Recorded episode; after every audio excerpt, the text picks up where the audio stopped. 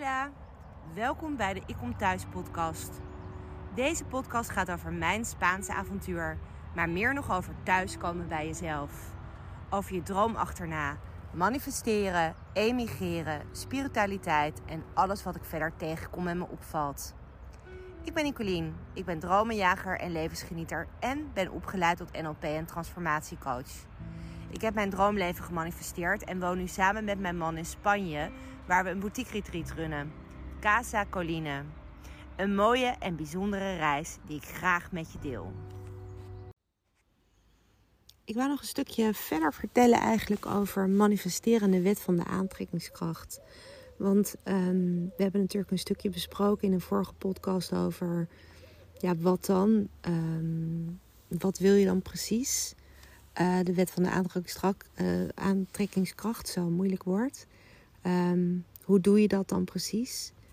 Uh, visualiseren, voelen. Maar het is ook heel belangrijk om het hoe niet te overdenken. Um, dus hoe kom ik daar dan?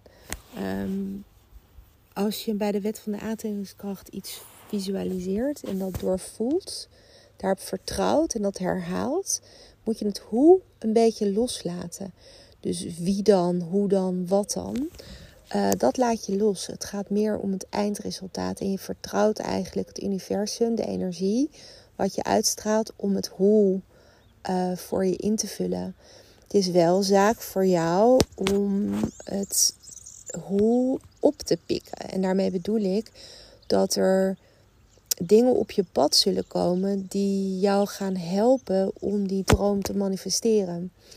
Um, uh, mensen die op je pad komen, uh, dingen die er gebeuren. Dus, dus het is belangrijk dat je je voelsprieten, om maar zo te zeggen, ehm, van de signalen, van de richtingaanwijzers die je krijgt, dat je die wel zo goed mogelijk um, actief hebt. Laat ik het zo zeggen. Klinkt misschien een beetje vaag. Even kijken of ik het concreter kan maken.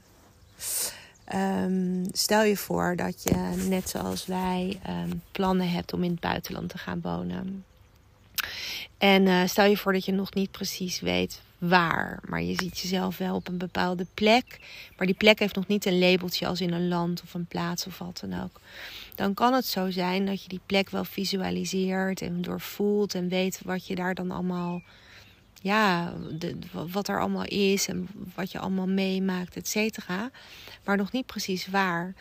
En als je dat dan bij wijze van spreken visualiseert, doorvoelt en herhaalt, kan het zo zijn dat jij. Uh, ik zeg maar wat, uh, iemand tegenkomt die een verhaal vertelt over een bepaalde reis naar Peru. Of um, opeens een mailtje krijgt van iemand die vertelt over Aruba. Geen idee, hè? ik zeg maar wat. En dan zou het kunnen zijn dat dat een richtingaanwijzer voor jou is om eens te informeren, te bekijken of die plek voldoet aan dat plaatje wat jij daar aan hebt, uh, over, over hebt gemaakt. Dus, um, dus, dus dat is bijvoorbeeld, uh, dat is een voorbeeld waar je aan zou kunnen denken als laat het hoe los, maar let wel op de richtingaanwijzers. Dus um, en, en wat ik daarna, daarnaast geloof, is dat het wel heel belangrijk is dat je zelf ook daadwerkelijk actief betrokken bent. Dus dat je samenwerkt met het universum. En dat je dus ook die richtingaanwijzers oppakt. Maar ook dat je zelf actief stapjes zet. Dus um, zet elke dag een stapje wat te maken heeft met je doel. Toen ik uh, hiermee bezig was, had ik uh, het grote doel, wat steeds duidelijker en zichtbaarder werd door alle richtingaanwijzers die ik kreeg. Uh, maar ook een soort van subdoelen. Van ik moest bijvoorbeeld mijn zaak verkopen, of ik wou mijn zaak verkopen. Um, ik, uh, we, gingen naar een, we gingen uit, het, uit ons huis, weet je wel. Dus dat zijn allemaal doelen. En daar horen allerlei subdoelen en daar horen allerlei weer acties bij. En elke dag probeerde ik een actie te zetten of een stapje te zetten. Hoeft echt niet heel groot te zijn. Hè? Het kon maar zijn de telefoon oppakken om iemand eh, mee af te spreken. Dat is ook al een stapje richting je doel. Maar elke dag een klein stapje richting je doel. Uh, om, ja, om samen te werken aan, aan dat grote doel. En um, als je erop gaat letten, is het magisch uh, wat er allemaal voor signalen komen en zijn. Uh, sommige mensen hebben veel met engelengetallen, bijvoorbeeld met getallen die je ziet, dat engelen daarmee willen communiceren. Je kan natuurlijk kaarten leggen waar je boodschappen mee krijgt. Er zijn natuurlijk ontzettend veel mogelijkheden om te communiceren met wat er is. Um, en op die manier kan je dus eigenlijk een soort van input vragen om te kijken, ja, om te kijken of, of er hulp is of een richtingaanwijzer die kant op. Je kan natuurlijk ook veel minder spiritueel, maar veel praktischer aanpakken. En mentaler, en dat is ook helemaal oké. Ehm, ik persoonlijk geloof wel dat, ehm, dat het goed is om je intuïtie en je gevoel en je hart hierbij te laten spreken. Uh, zeker omdat het gaat om je droom manifesteren. En je droom is vaak eigenlijk niet echt iets mentaals. Um, maar juist iets wat van binnen zit. Uh, dus vandaar dat het voor mij belangrijk is om die intuïtie en die, die energie wel hierin mee te nemen. Maar ik kan me ook voorstellen dat je zegt: nee joh, ik weet precies waar ik moet zitten. Ik wil uh, naar Ibiza. En uh, wat heb ik daarvoor nodig? Dus dan maak je een lijstje. En dan heb je daar acties onder staan. En zet je elke dag een stapje die bijdraagt aan zo'n actie. Um, dus um, dat, is, dat is mijn advies ook nog. Wat er eigenlijk bij hoorde qua de wet van de aantrekkingskracht, de wet van de manifestatie. Van overdenk het hoe niet. Um, je hoeft niet heel erg precies nu al te weten hoe het gaat gebeuren in de wet van de aantrekkingskracht. Um, het is meer, uh, ja, op, hoe zeg je dat, metaschaal.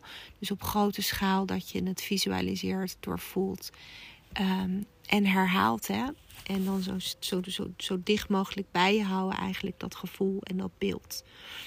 Um, ja, uh, dus dat is hoe ik het heb gedaan. Ik heb zeg maar eigenlijk die twee gecombineerd. Dus de wet van de aantrekkingskracht, maar ook gewoon daadwerkelijk elke dag een stapje richting mijn doel.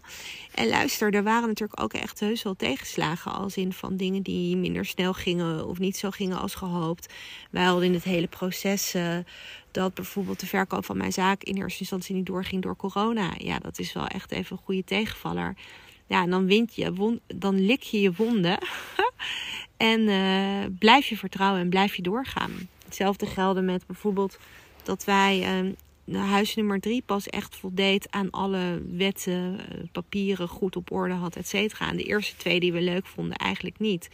Ja, dat wordt op een gegeven moment ook dat je denkt van jeetje, wat een tegenslag. Uh, waarom lukt het steeds niet hè, als je ergens je zin op hebt gezet. Maar ook dan, hup, wonderlijke vertrouwen en doorgaan. Um, dus goed, goed je doel voor ogen blijven houden en daar ook echt vertrouwen in hebben. Want ja, als je er waarschijnlijk nu ook weer over nadenkt wat je wil en waarom je dat wil, wat het dan ook is, ja, dan geeft dat zo'n positieve vibe. En daar gaat het natuurlijk om. En die moet je zoveel mogelijk voor je houden en zo dicht mogelijk bij je. Dankjewel voor het luisteren en hopelijk tot heel gauw.